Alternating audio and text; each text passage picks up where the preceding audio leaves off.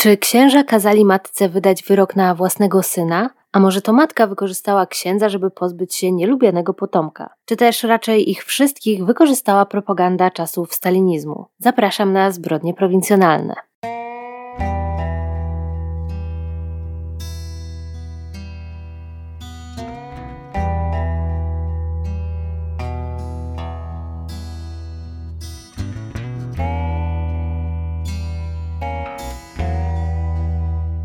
Przed chwilą mieliśmy 1 września, kolejną rocznicę wybuchu II wojny światowej, więc to chyba dobry moment na tę opowieść. Nie dzieje się ona wprawdzie w czasie wojny, ale kilka lat po niej, natomiast to, co się wydarzyło, było możliwe właśnie dzięki temu, jak potoczyła się II wojna światowa. Będzie to ostatni odcinek z cyklu Wakacje z donosami, bo wakacje się skończyły, chociaż donosy na pewno z nami dalej zostaną i będę je od czasu do czasu opracowywać. A za dzisiejszy donos bardzo dziękuję Sławkowi. Ta sprawa jest wyjątkowo tragiczna, bo pokazuje, jak wielka polityka, wielka historia niszczy życie pojedynczych, zwykłych ludzi, jak rozbija rodziny. Ta wielka polityka, na którą pojedynczy człowiek nie ma żadnego wpływu, szczególnie jeszcze w tamtych czasach, ale też nie może przed nią w żaden sposób uciec.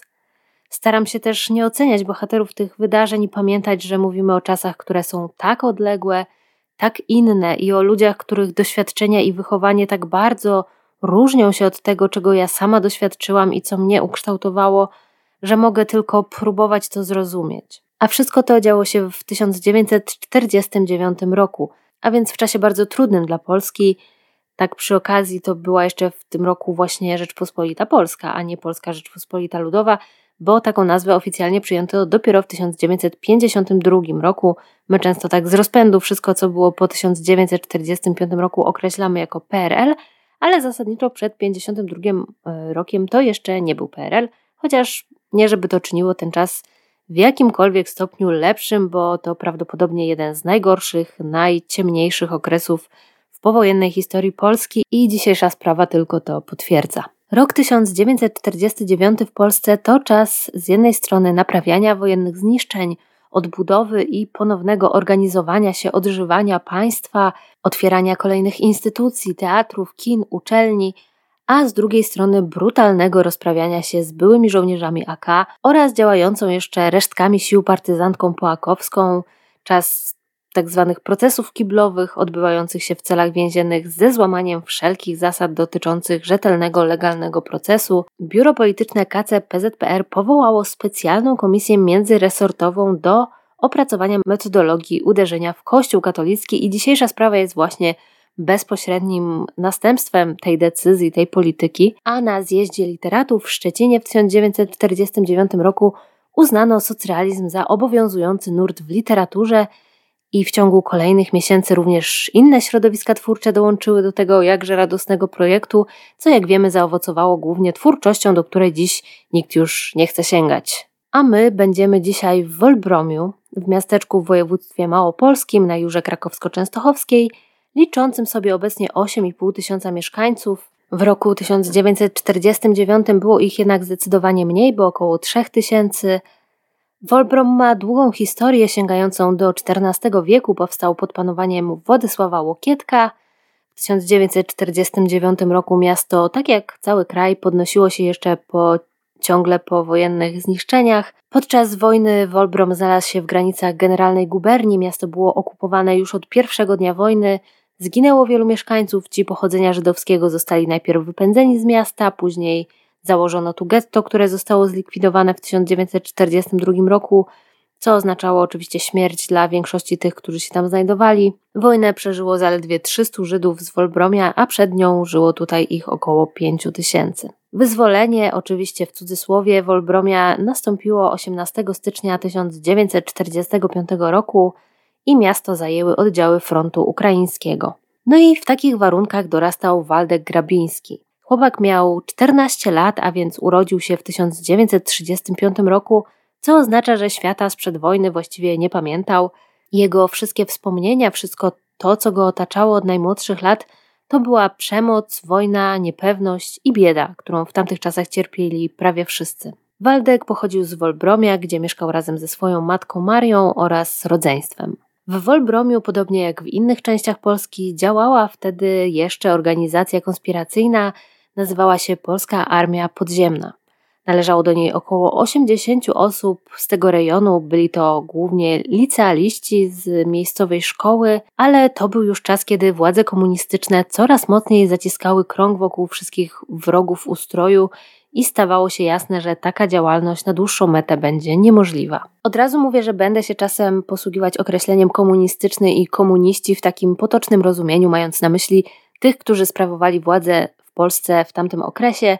Wiem, że jest różnica między państwem socjalistycznym a komunistycznym. Wiem, że są różne teorie na ten temat, ale ja nie piszę tutaj książki historycznej, nie będę tego tematu zgłębiać, będę się posługiwać określeniem komunistyczny w potocznym znaczeniu i wszyscy, którzy lubią się o to czepiać, będą musieli jakoś z tym żyć. A wracając do tematu, wciąż byli tacy, którzy ciągle chcieli walczyć o niepodległość i należeli do nich właśnie członkowie rodziny Grabińskich. Działalność konspiracyjną zaangażowana była Maria i jej starszy syn Wacław. Pani Grabińska była prostą kobietą bez wykształcenia, pracowała jako sprzedawczyni w sklepie w gminnej spółdzielni. Męża straciła w czasie wojny, zginął w Oświęcimiu. Została sama z trójką dzieci, ale była jeszcze kobietą dość młodą i z czasem obdarzyła uczuciem innego mężczyznę, Tadeusza Podsiadłe, pseudonim Kruk, który należał do działającej w okolicach Wolbromia partyzantki.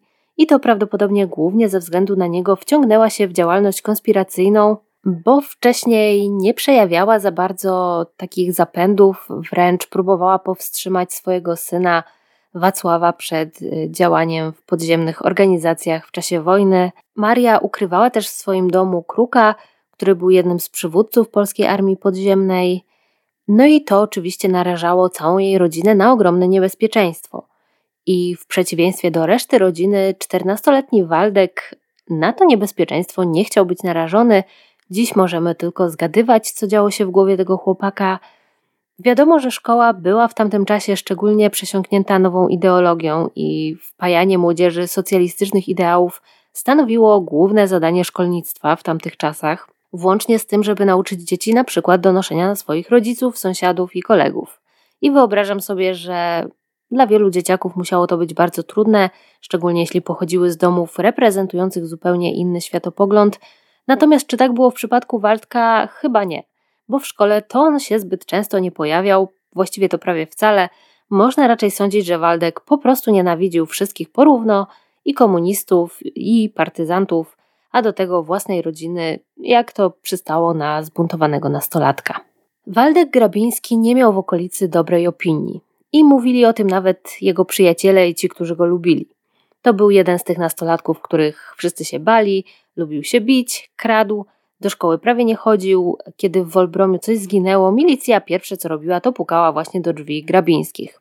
Domyślam się, że dla jego matki i ukrywających się tam partyzantów było to szczególnie kłopotliwe. To jest mało powiedziane, kłopotliwe, było to po prostu niebezpieczne.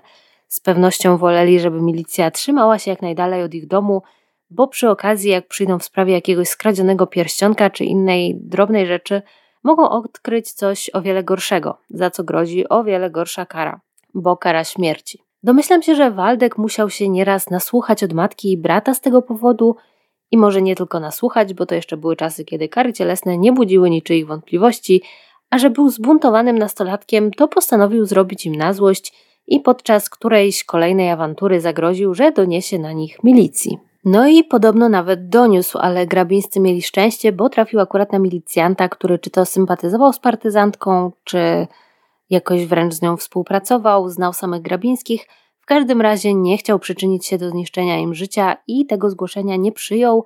Ostrzegł natomiast innych członków organizacji przed Waldkiem. I tutaj pojawiają się pewne kontrowersje, bo trudno się oprzeć wrażeniu, że to jest bardzo wygodne wyjaśnienie. Doniósł, ale nie ma żadnych dokumentów, które by to potwierdzały. Akurat trafił na milicjanta, który sympatyzował z organizacją. Ci, którzy znali Waldka, mają co do tego wątpliwości. Wszyscy zgodnie twierdzą, że było z niego skaranie boskie i matka wyrzucała go nieraz z domu. Tak go miała dosyć, ale milicji Grabiński nienawidził jeszcze bardziej. W co jestem skłonna uwierzyć, skoro tyle razy był zatrzymywany, ciągle miał jakieś problemy z prawem, no to raczej milicji nie kochał.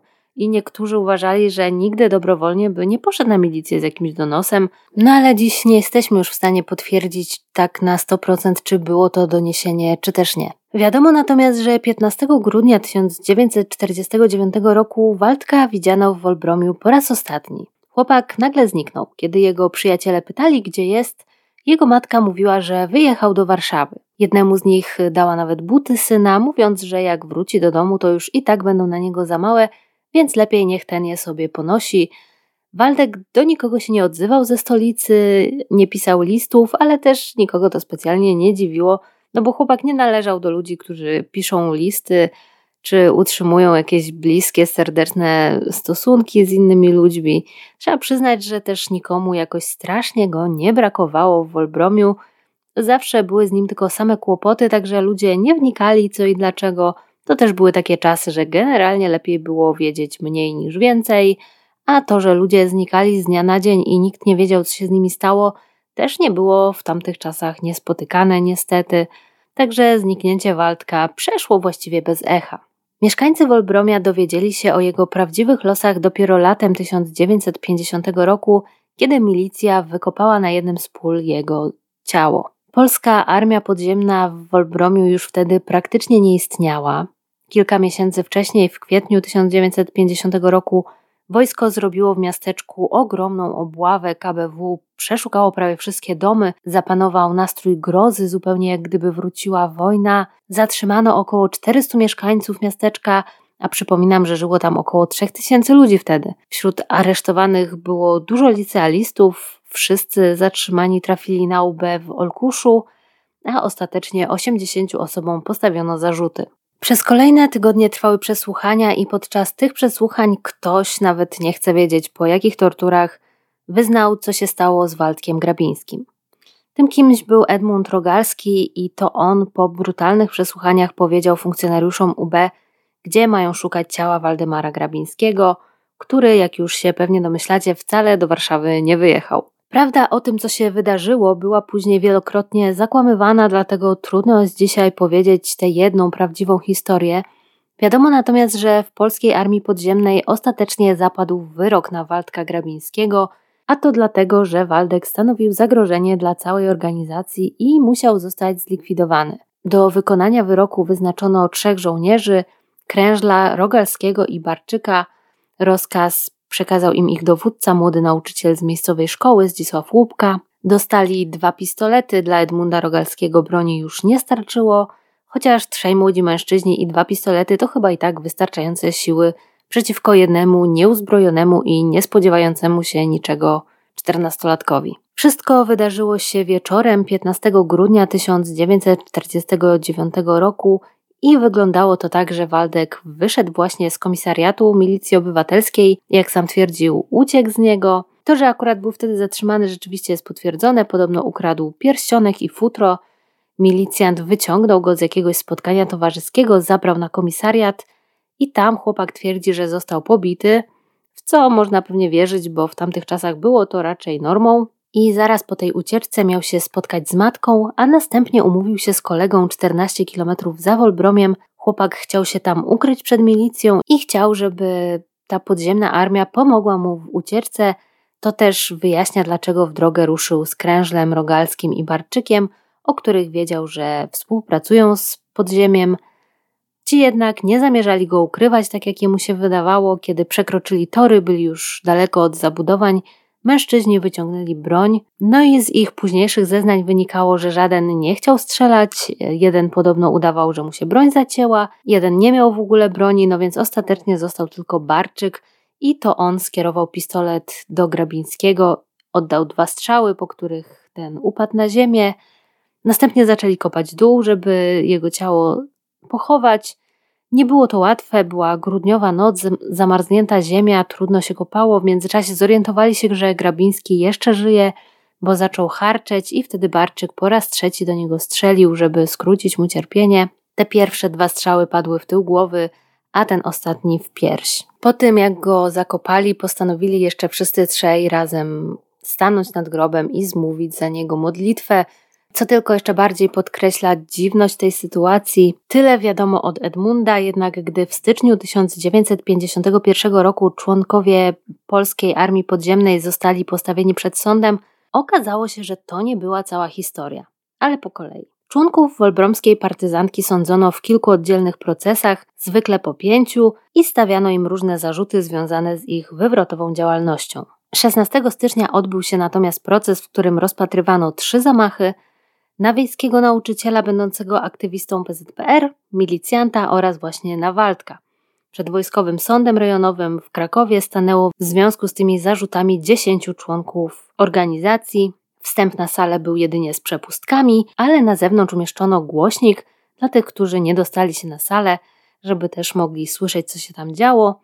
Z tej okazji wyselekcjonowano też grupę ludzi, którzy podczas rozprawy mieli odgrywać rolę agitatorów i odpowiednio moderować reakcje sali, że tak powiem. No i żebyście mieli próbkę tego, jak to było później relacjonowane, przeczytam Wam fragment artykułu z Dziennika Polskiego z 17 stycznia 1951 roku na pierwszej stronie pisano tak. O wielkim zainteresowaniu, jakie wzbudził proces, świadczy fakt, iż na salę rozpraw przybyli niezwykle licznie przedstawiciele społeczeństwa krakowskiego, w tym wiele kobiet i młodzieży. W miarę zeznań oskarżonych na twarzach zebranych maluje się zgroza i oburzenie. Często w momentach, gdy pytania prokuratora odsłaniają cały ogrom nikczemności i moralnego upadku członków bandy, rozlegają się na sali głosy oburzenia, a pod adresem oskarżonych padają ostre słowa potępienia. Oburzenie zebranych dochodzi do szczytu, gdy oskarżeni z całym cynizmem przedstawiają przebieg potwornego morderstwa dokonanego na 14-letnim Waldemarze Grabińskim, morderstwa, na które zezwolili oraz na dokonanie którego dostarczyli broń oskarżeni księża katoliccy.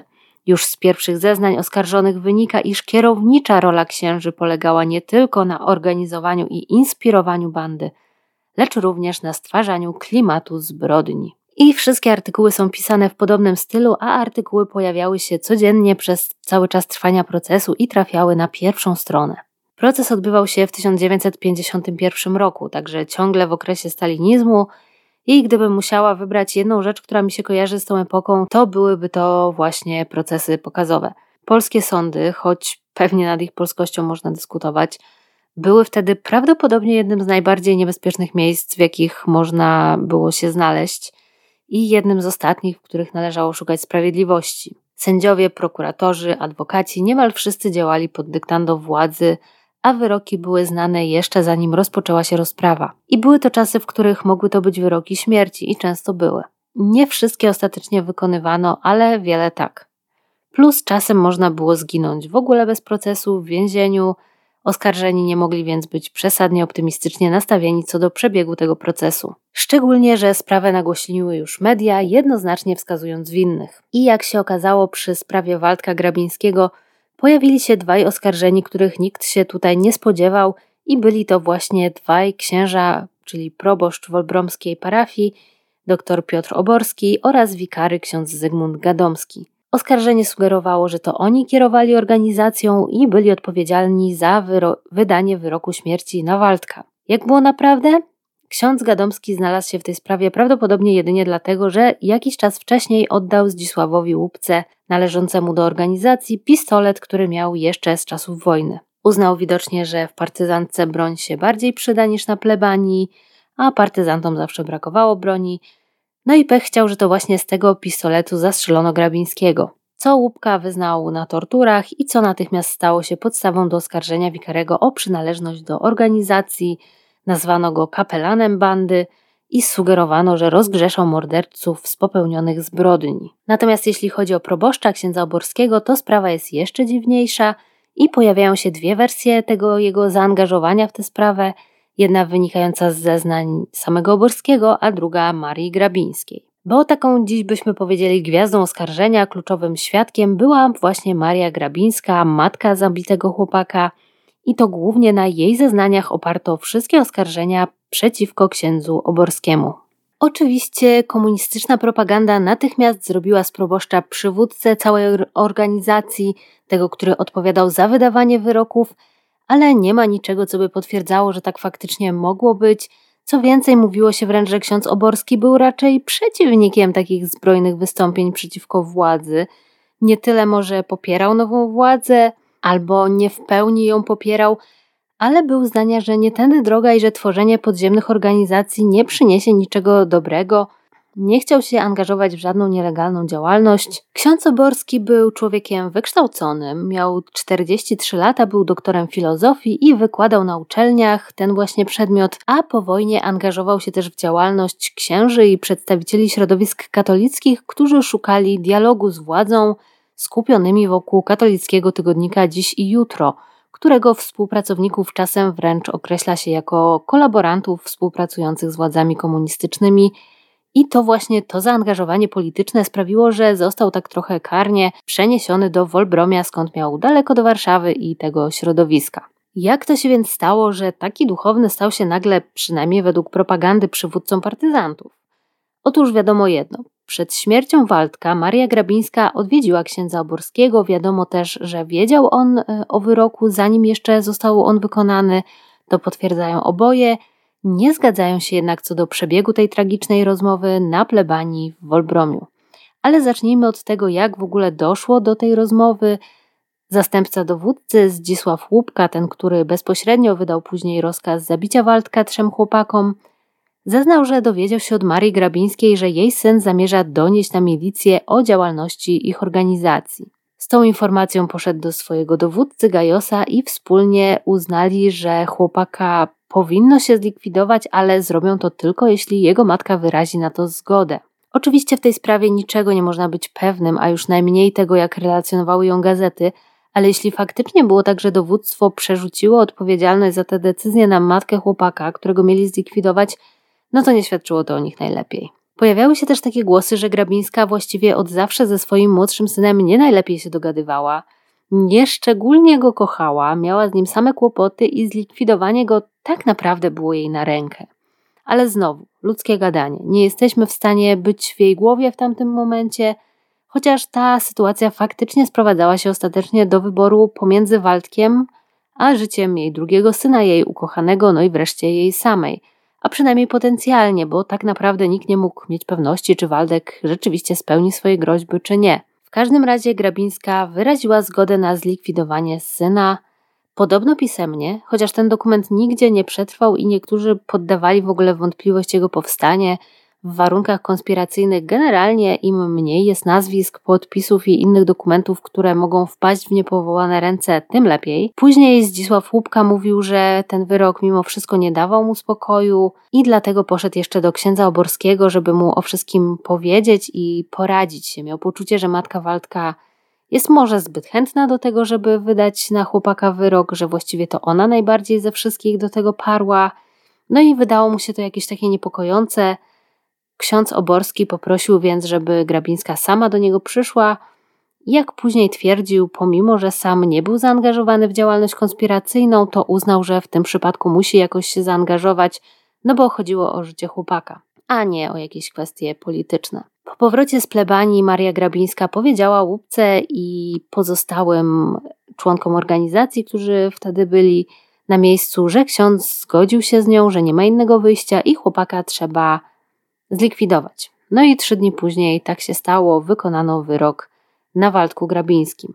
I jeśli chodzi o te fakty, które teraz podałam, to one są mniej więcej zgodne w zeznaniach księdza Oborskiego, Grabińskiej i Łupki. Nie ma natomiast zgody co do tego, jak tak naprawdę przebiegała ta rozmowa, która odbyła się na plebanii w Wolbromiu zimą 1949 roku Maria Grabińska, a za nią ówczesna prasa twierdzą, że ksiądz omotał prostą kobietę i pozostałych członków organizacji, namawiał ich do tego, żeby zgładzili mm, chłopaka. Niejako on ten wyrok wydał. Mówił też, że to nie będzie grzech, że trzeba to zrobić i że to niemalże był jego pomysł. Zeznając podczas procesu, Grabińska miała powiedzieć: Wyszłam od księdza z przekonaniem, że Waldek mój musi zginąć. Krew syna mojego ciąży na księdzu oborskim. Ja mam czyste sumienie, za krew syna mojego odpowiadać nie będę. Zeznania Grabińskiej były bardzo emocjonalne, ale trochę mało składne. Czasem krzyczała, wyzywała księdza, zanosiła się płaczem. Zupełnie inaczej ta rozmowa wyglądała w zeznaniach księdza Oborskiego, który zresztą do końca podtrzymywał swoje zeznania i nie przyznawał się do winy. i też mówił o wiele bardziej składnie od Grabińskiej, co oczywiście też może wynikać z tego, że był po prostu osobą wykształconą i bardziej przyzwyczajoną do przemawiania niż prosta kobieta. Duchowny twierdził, że Grabińska, która na jego prośbę przyszła na plebanię, zaczęła rozmowę od narzekania na Waldka, który przynosił jej wstyd, sprawiał różne przykrości, a do tego okradał ją i innych mieszkańców. W pewnym momencie stwierdziła, że nie ma już siły i że jak nie jego, to zabije siebie i swoją córkę. Ksiądz nie wykazał się szczególną wrażliwością i empatią, bo powiedział kobiecie, że, cytuję, jeżeli przez swoją głupotę dopuściła do tego, że dziś musi się bać własnego dziecka, to niech ponosi teraz konsekwencje. Nie wiem, czy ogólnie miał taki styl komunikowania się, czy też podczas tej rozmowy nie zapałał sympatią do Grabińskiej. No, w każdym razie nie było to wszystko, co powiedział kobiecie. Poradził jeszcze później, że może chłopaka oddać do poprawczaka albo wysłać gdzieś do rodziny, ale Grabińska stwierdziła, że to nic nie da, że Waldek stanowi zagrożenie dla innych i trzeba poświęcić jego życie dla wyższej sprawy, z czym ksiądz się nie zgodził. Jak później twierdził, do końca liczył, że serce matki ostatecznie nie pozwoli Grabińskiej na wydanie wyroku na własne dziecko, no ale się przeliczył. Ponieważ proces był ustawiony, to również adwokaci byli odpowiednio poinstruowani i ich postępowanie nie miało właściwie wiele wspólnego z obroną. Wygłaszane przez nich mowy brzmiały bardziej tak, jak gdyby wygłaszał je prokurator. W skrócie to mówili, że w zasadzie to takich bandytów trudno w ogóle bronić, bo w sumie to są przestępcami i zasługują na karę. Więc mniej więcej tak wyglądała obrona oskarżonych w tym procesie. Obaj księża nie przyznali się do winy, powtarzali, że w żadnej konspiracyjnej działalności nie uczestniczyli, tym bardziej nią nie kierowali, a informacje na temat jej działalności, które pozyskali, wynikały z ich kapłańskiej posługi, z tego, że niektórzy z jej członków omawiali z nimi sprawy swojego sumienia i dlatego też nie czuli się upoważnieni do tego, żeby w jakikolwiek sposób się tymi informacjami dzielić, chociażby z władzą. Pozostali oskarżeni przyznali się do przynależności do nielegalnej formacji i do uczestnictwa w napadach i egzekucjach. I 22 stycznia w sprawie zostały wydane wyroki. Henryka Adamusa, Tadeusza Podsiadłe i Zdzisława Łupkę skazano na karę śmierci. Obaj księża, Grabińska i Wacław Piwowarski dostali dożywocie, Braczyk i Krężel, czyli wykonawcy wyroku na Waldku po 15 lat, a Rogalski 10. Niższe wyroki dla tych ostatnich uzasadniono tym, że byli młodzi, niedoświadczeni i zostali wprowadzeni do organizacji przez starszych kolegów, którzy są winni ich rozkładu moralnego, jak to zostało określone. Wszystkie trzy wyroki śmierci zostały wykonane, trzej mężczyźni zostali rozstrzelani na placu więziennym Centralnego Więzienia w Krakowie przy ulicy Montelupich. Na fali odwilży po 1956 roku pozostałe wyroki zostały zmniejszone. Nie pomogło to jednak księdzu Oborskiemu, który umarł w maju 1952 roku w bunkrze więzienia w Rawiczu. W tym samym zakładzie odsiadywał swój wyrok Czesław Krężel. Kilka razy miał okazję porozmawiać z księdzem i wspominał, że był on trzymany z innymi duchownymi w osobnej celi na ostatnim piętrze, ksiądz Oborski był tam traktowany bardzo źle. Często trafiał do karceru, gdzie było zimno, a kiedy zmarł, był skrajnie wycieńczony, miał gruźlicę i katar żołądka. Drugi z księży, ksiądz Gadomski, miał więcej szczęścia, został zwolniony z więzienia w 1959 roku. Dziś uważa się, że obaj księża byli niewinni, a zaangażowanie ich w ten proces było tylko elementem komunistycznej propagandy, komunistycznej walki z Kościołem, jak wynika m.in. z publikacji IPN-u. Prokurator sugerował kilkukrotnie, że wszystko działo się niejako z błogosławieństwem kieleckiej kurii. Wreszcie zażądano od biskupa Czesława Kaczmarka, żeby publicznie potępił obu księży, a fakt, że tego nie zrobił, stał się w końcu pretekstem do jego aresztowania – że widać, że była to szeroko zakrojona akcja i dwaj księża byli w niej tylko pionkami. I zostali do całej sprawy doklejeni trochę na siłę, co dzięki dodatkowemu rozdmuchaniu przez propagandę dało taki obraz, że to księża kierowali całą organizacją, pomimo że żaden ze świadków tego tak naprawdę nie potwierdził. Władze komunistyczne oczywiście robiły co się da, żeby jak najwięcej z tej sprawy wyciągnąć, propagandowo, powstawały reportaże, książki. Taką najpopularniejszą był reportaż Kazimierza Koźniewskiego Biała plebania w Wolbromiu i tam już wszystko zostało przedstawione tak, żeby pasowało do tej narzuconej narracji. Pojawia się tam na przykład takie zdanie do plebanii w Wolbromiu chodziło się po akceptację morderstw, jak idzie się do apteki po proszek od bólu głowy. Natomiast moją uwagę zwróciła inna publikacja, a mianowicie opowiadanie Tadeusza Borowskiego, Dysputy księdza Dobrodzieja. Borowski był obecny na procesie wolbromskim i ja jak jeszcze byłam w liceum, to opowiadania Borowskiego bardzo mnie fascynowały, te wojenne i obozowe. I to chyba właśnie były pierwsze takie mm, teksty, które mi przedstawiły tamtą obozową rzeczywistość i uświadomiły, jak to wyglądało. Także za to mam do niego jakiś taki szacunek, ale niestety, no wiemy, że Tadeusz Borowski też się dość mocno zaangażował w krzewienie jedynej słusznej ideologii po wojnie. No i Borowski był jednym z tych, którzy byli właśnie na sali sądowej podczas procesu wolbromskiego, żeby go potem odpowiednio relacjonować. I napisał o tym opowiadanie zatytułowane właśnie Dysputy księdza Dobrodzieja. I to opowiadanie to był już taki całkowity paszkwil, Natomiast Borowski nigdy tego opowiadania nie opublikował. Zostało znalezione już po jego samobójczej śmierci, no i niestety wydane. Możliwe, że wbrew woli samego autora, który, jak się powszechnie uważa, właśnie dlatego popełnił samobójstwo, że przechodził ogromny kryzys związany z tą współpracą z władzą, której zaczął żałować. Ale o ile wątek księży i tego, co tam się wydarzyło, jest dość jasny, to rola Marii Grabińskiej w całej sprawie wciąż pozostaje dość niezrozumiała. Oczywiście można się łatwo domyślić, dlaczego oskarżyła proboszcza o to wszystko, co go oskarżyła. Kobieta była poddawana niewyobrażalnym torturom podczas śledztwa, miała zresztą do końca życia zdeformowane palce u rąk po tych przesłuchaniach. No i po tych przeżyciach kobieta się załamała, miała psychozę, depresję. W czerwcu 1950 roku lekarze sugerowali skierowanie jej na leczenie do szpitala psychiatrycznego, no ale nic nie wiadomo o tym, czy ostatecznie do tego doszło, czy nie. Także nie można nawet mieć pewności, czy kobieta stając przed sądem była w pełni władz umysłowych i mogła w ogóle być wiarygodnym świadkiem. Na pewno śledczy obiecali jej, że jeśli oskarży księdza, to dostanie mniejszy wyrok. Do tego być może nawet ona sama lepiej się czuła, zrzucając z siebie tę odpowiedzialność, bo cały gniew ludzi mógł się skupić na księżach, na partyzantach, ale nie na niej, nie na matce, która wydała swojego własnego syna na śmierć. W 1957 roku Maria Grabińska została zwolniona warunkowo z więzienia, nie wróciła jednak nigdy do Wolbromia, bała się tego miejsca, nie chciała się tam pojawiać Zamieszkała w Olkuszu, gdzie zatrudniła się w fabryce. Tylko raz przyjechała do miasteczka, żeby odwiedzić miejscowy cmentarz, na którym pochowano jej syna. Sama po śmierci nie chciała być pochowana w Wolbromiu, dlatego spoczywa w Olkuszu. A proces wolbromski na wiele lat stał się w miasteczku tematem tabu, którego nie poruszało się nawet z najbliższymi. Ci, którzy odważyli się na głos wypowiedzieć swoje poparcie dla księży w tym okresie tuż po procesie, Mieli problemy z milicją, byli zabierani na ostrzegawcze rozmowy do UB. W ogóle władza bardzo się wtedy wnikliwie przyglądała nastrojom społecznym i sprawdzała, jaki oddźwięk ma ta sprawa, a że za każdym razem, ilekroć ktoś się wypowiedział o niej jakoś tak niezgodnie z linią partii, to trafiał na UB, więc szybko ta sprawa stała się tematem tabu. Lepiej było nie wiedzieć, nie interesować się i nie rozmawiać o tym nawet we własnym domu, a później, nawet gdy już minęły te lata najgorszego terroru, lęk pozostał, życie toczyło się dalej, do sprawy nikt nie chciał wracać.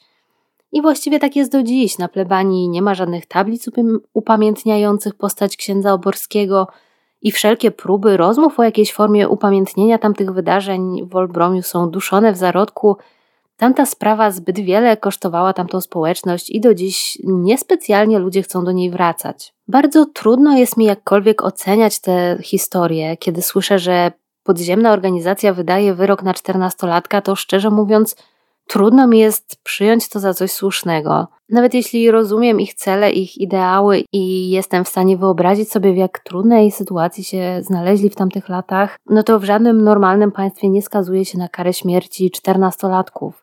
Ja oczywiście wiem, że to nie było normalne państwo i że nie działali w normalnych warunkach, ale czy mimo wszystko dawało to takiej organizacji prawo do wydawania i wykonywania takich wyroków, zwłaszcza, że decydowały o tym często osoby bardzo młode, bo to już nie były jakieś sądy podziemne, takie jak za okupacji, gdzie sądzili prawdziwi sędziowie. Tutaj te wyroki były wydawane przez jakichś dowódców oddziałów partyzanckich, którzy mieli po, nie wiem, po 23 lata i tak naprawdę nie znali się ani na prawie, ani w ogóle za bardzo nie mieli wykształcenia, bo dorastali w czasie wojny. I czy można to usprawiedliwiać patriotyzmem? Nie wiem. Ja dziś uważam, że nie można, ale pewnie gdybym żyła w tamtych czasach, gdybym miała za sobą doświadczenia II wojny światowej i kolejnych kilka lat ukrywania się w lasach, no to pewnie patrzyłabym na to z zupełnie innej perspektywy. Pewnie tamci partyzanci wtedy byli przekonani, że robią dobrze, że muszą to zrobić, e, że to jest jakiś obowiązek, który wypełniają i nie mają innego wyjścia, bo tak zostali nauczeni, że karą za zdradę ojczyzny jest śmierć. No bo to, co zrobił Waldek, jest oczywiście zaprzeczeniem wszystkiego, co nam się mówiło o patriotyzmie we wszystkich książkach, filmach e, o wojnie. Konfidenci to były takie najgorsze kanalie, przedstawione w najgorszym świetle i wcale ich nie było żal, jak zostali zlikwidowani.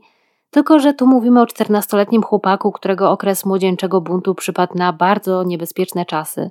Gdyby się urodził kilkadziesiąt lat później, to w ramach buntowania się przeciwko rodzicom pomazałby ścianę sprayem, wypalił jointa i poszedł na wagary albo zrobił jakąś tam inną głupią rzecz, tak jak robiliśmy my i nasi koledzy z dzieciństwa. I nie wyobrażamy sobie, żeby za nasze głupie wyskoki z tamtych czasów ktoś nas skazał na karę śmierci. Ale Waldek miał pecha być głupim nastolatkiem w czasach, kiedy zrobienie matce na złość groziło śmiercią. Czy był złym człowiekiem, czy był konfidentem? Moim zdaniem był przede wszystkim zagubionym nastolatkiem w trudnym wieku, w trudnych czasach. A jakim by był człowiekiem, czy złym, czy dobrym, to niestety nikt już nie miał się okazji przekonać. Też trzeba pamiętać, że Waldek był dzieciakiem, który wychował się w czasie wojny. I niestety w tych latach powojennych był duży problem ze zdemoralizowaną młodzieżą – Dziś się wszyscy zastanawiają, czy kilka miesięcy lockdownu źle nie wpłynie na dzieci i młodzież i jakie mogą być tego konsekwencje. No to spróbujmy sobie wyobrazić, jak na psychikę dzieciaków w wieku szkolnym musiało wpłynąć 5 lat wojny, gdzie to, że nie mogą chodzić do szkoły, stanowiło pewnie ich najmniejszy problem. Najtrudniej w tym wszystkim zrozumieć Marię Grabińską i wczuć się w jej sytuację. Wydawałoby się, że matka będzie walczyła o syna do ostatniej chwili i będzie się starała uchronić go przed wyrokiem śmierci, a nie będzie pierwszą, która poleci do dowództwa z sugestią, że taki wyrok należałoby wykonać. Czy chodziło o bezpieczeństwo drugiego syna i kochanka i dlatego postanowiła poświęcić swoją mniej udaną latorośl? Tak to trochę wygląda. Czy rzeczywiście wierzyła w to, że to jest właściwe postępowanie i że robi to dla wyższej idei i dla wyższego dobra, czy też kierowała się takimi całkowicie egoistycznymi pobudkami, żeby mieć z głowy syna, który przynosi wstyd, okrada ją i sprawia problemy. Trudno stwierdzić. Zwykle słyszy się raczej o matkach, które bronią swoich synów, zwyrodnialców, czy nie tylko synów, ale ogólnie dzieci. Także przypadek Marii Grabińskiej jest dość niespotykany, na pewno kontrastuje mocno z naszym ideałem matki Polki. No, staram się nie oceniać jednoznacznie tej postawy, bo być może też jest coś, czego nie wiem. Nie dziwię się, że ówczesne władze postanowiły tę historię rozdmuchać, bo rzeczywiście idealnie nadawała się do tego, żeby zniechęcić ludzi do polskiego podziemia i kościoła jednocześnie. Decyzja o zgładzeniu czternastolatka była bardzo kontrowersyjna i dla wielu mogło to już być coś, co przekraczało te granice pomiędzy bohaterem a bandytą. A przecież na tym najbardziej zależało komunistycznym władzom, żeby społeczeństwo widziało we wszystkich, którzy sprzeciwiają się Polsce Ludowej, bandytów i kryminalistów. Ale nawet jeśli odrzucimy tę ideologiczną nadbudowę, to ta sprawa i tak pozostaje szokująca i kontrowersyjna. I trudno sobie wyobrazić, jak mogło do czegoś takiego dojść i co się musi wydarzyć, żeby człowiek podjął taką decyzję, bo chociaż istnieje sporo niejasności, to akurat chyba to, że wyrok e, wykonano za wiedzą i zgodą matki chłopaka nie ulega wątpliwości, bo to potwierdzili właściwie wszyscy. No ale co ja mówię, co się musi wydarzyć? No nie wiem, może wojna światowa, obozy koncentracyjne, stalinizm, no to już całkiem sporo. A na dziś to już wszystko. Jeszcze raz dziękuję Sławkowi za podpowiedzenie mi tej historii. Linki do źródeł do odcinka znajdziecie w opisie. Jest tam też e, link do sklepu z gadżetami zbrodni prowincjonalnych. Jeśli macie ochotę takowe nabyć i tym samym wesprzeć kanał, to zapraszam. Na Instagram wrzucę dzisiaj kilka zdjęć y, z uczestnikami tych zdarzeń, także jeśli macie ochotę zobaczyć, to zapraszam na Instagram Zbrodnie Prowincjonalne. Dziękuję, że jesteście, dziękuję, że słuchacie i zapraszam na kolejne odcinki Zbrodni Prowincjonalnych.